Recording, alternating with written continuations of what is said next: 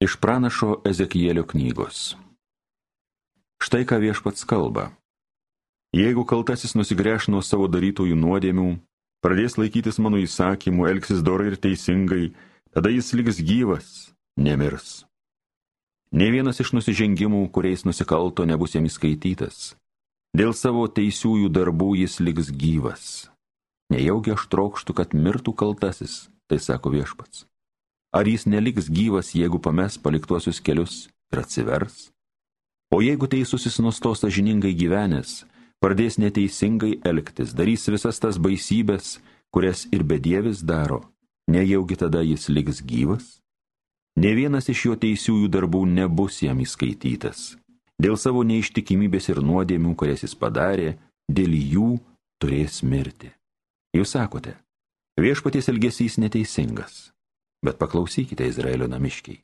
Ar mano elgesys neteisingas? Ne. Tai jūsų elgesys neteisingas. Jeigu teisusis nustoja gyvenęs teisingai ir pradeda elgtis neteisiai, tai turi dėl to numirti. Jis mirs dėl tos neteisybės, kurią bus padaręs. Ir jei nusikaltėlis grešis nuo savo darytos neteisybės ir pradės gyventi dorai ir teisingai, tai išsaugos savo gyvybę. Jei jis pripažins visus nusižengimus, kuriais nusikalto ir atsivers, tai gyvas išliks ir nemirs. Tai Dievo žodis.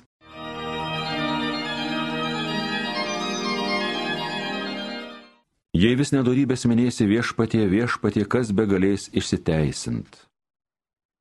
Iš vandenų sietuvo šaukiuosi tavęs Dieve. Dieve išgirsk mano balsą. Tegu tavo ausys klausosi įdėmiai mano maldaujančių šauksmo.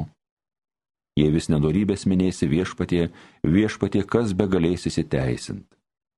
Jei vis nedorybės minėsi, kas be galės išsiteisint, betgi tu atleisi kaltybės ir vėl tau tarnausim. Jei vis nedorybės minėsi viešpatie, viešpatie, kas be galės išsiteisint. Dieve, tavi mano viltys, tavo žodžiu pasitikė mano siela, Mano siela viešpaties laukia labiau kaip aušros panaktiniai. Labiau kaip aušros panaktiniai tegul laukia viešpaties Izraelis.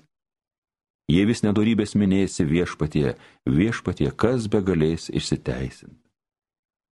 Juk Dievas yra gailestingas, jis visuomet išvaduoja, jis tikrai savo tautą išgelbės iš visų nedorybių. Ir jei vis nedorybės minėsi viešpatie, viešpatie, kas be galės išsiteisinti.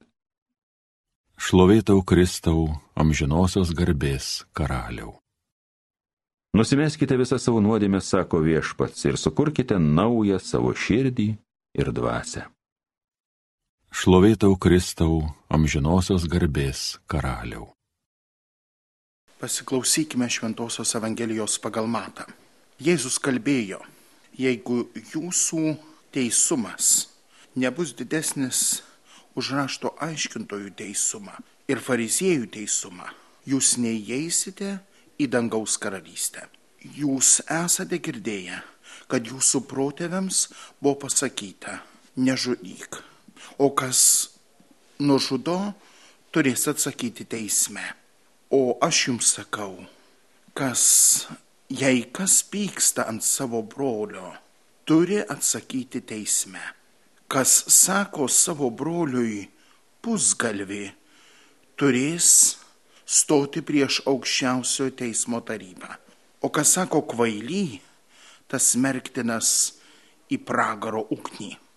Jei neši dovana prie altoriaus ir ten prisimeni, jog tavo brolis turi šitą prieš tave, palik savo atnašą tenai prie altoriaus, eik pirmiau susitaikinti su broliu ir tik tada sugrįžęs aukok savo dovaną.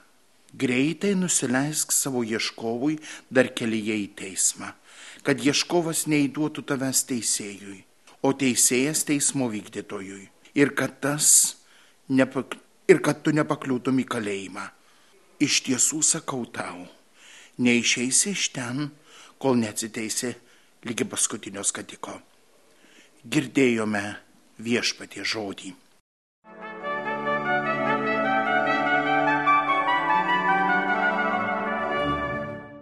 Brangus broliai ir seserys, Jau antrą savaitę, kaip esame įžengę į patį, patį rimčiausią kataliko gyvenime periodą, laikotarpį, liturginį laiką, gavėnę.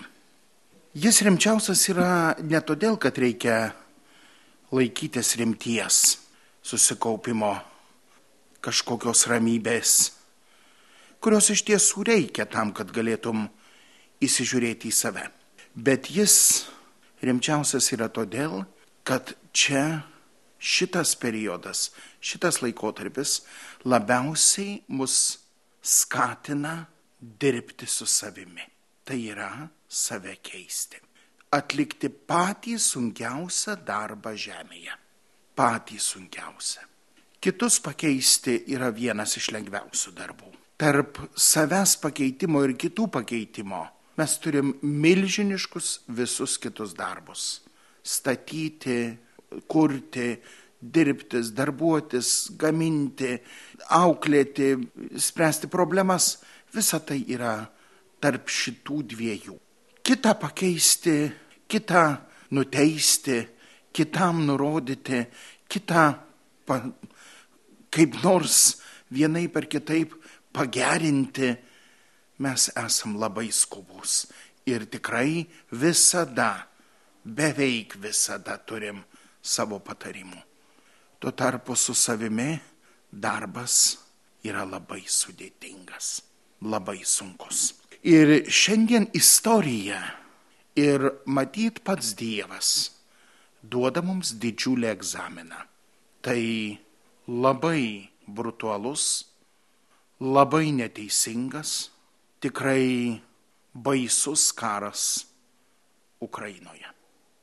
Ir tai yra didžiulis egzaminas kiekvienam krikščioniui. Aš nepaprastai džiaugiuosi, kad negatyvių balsų iš krikščionių, tiek katalikų, tiek nekatalikų lūpų yra arba labai labai nedaug, arba jų visai nėra, bet iš tiesų mūsų mintyse yra matyti visko. Ir čia mes turim save labai aiškiai išgrydinti. Dievas nenori nusidėjėlio mirties. Girdėjom šiandien pirmajame skaitinyje. Dievas nori, kad nusidėjėlis atsiverstų, pasitaisytų, pasikeistų, visiškai kitaip pradėtų elgtis. Taip, Dažniausiai mums labai sunkiai pasiseka tokį nusidėjėlį įtikinti jo nuodėme, blogumu, jo darbuose.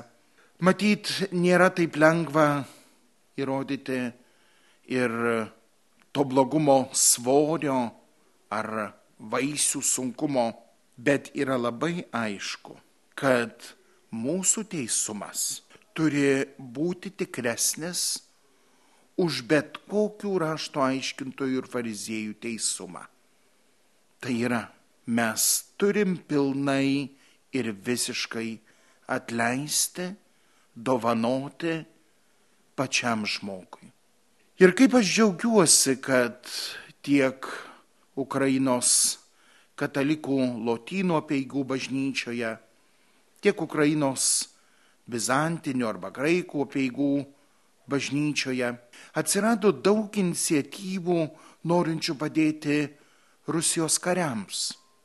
Ne technikai, ne raketoms, ne karui, ne veiksmams, bet žmonėms, kurie gal vieni truputį labiau suprasdami, gal kiti mažiau suprasdami, didžioji dauguma matyti visai nesuvokdami, ką daro yra įpainioti į tą didžiulę karo pragaro ugnį. Ir bažnyčia ateina jiems į pagalbą.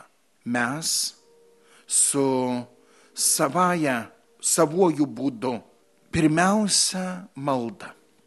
Aš dažnai pagalvoju, kodėl 1917 metais Marijai kreipiantis į piemenelius Fatimoje šešis mėnesius iš eilės.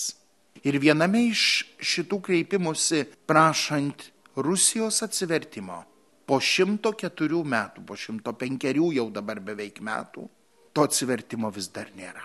Nors du kartus per tą laiką paukota Rusija Marijai, nors iš tiesų daug melstasi, bet matyt netikėta, kad Rusija atsivers.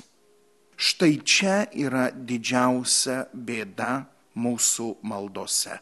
Mes melžiamės, sukalbam, padarom, bet kiek įdedam pilno pasitikėjimo Dievo galybę, Marijos galingumo, Jėzaus veikimo, meilės veikimo, gailestingumo veikimo. Dažniausiai norim, kad po mūsų maldos atsitiktų taip, kaip mes numatėm. Nubaustų kaltuosius, išlaisvintų nekaltuosius. Bet ne to nori Marija.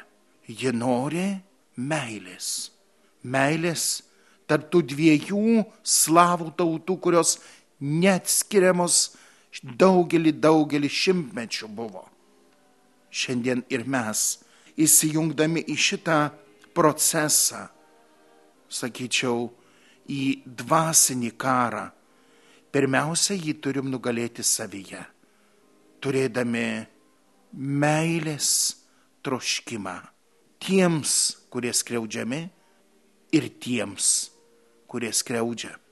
Visiems tam, kad ne mūsų norai, ne mūsų teisingumo ar kažkoks atsilyginimo jausmas nugalėtų, bet Dievo meilė ir jo pergalė.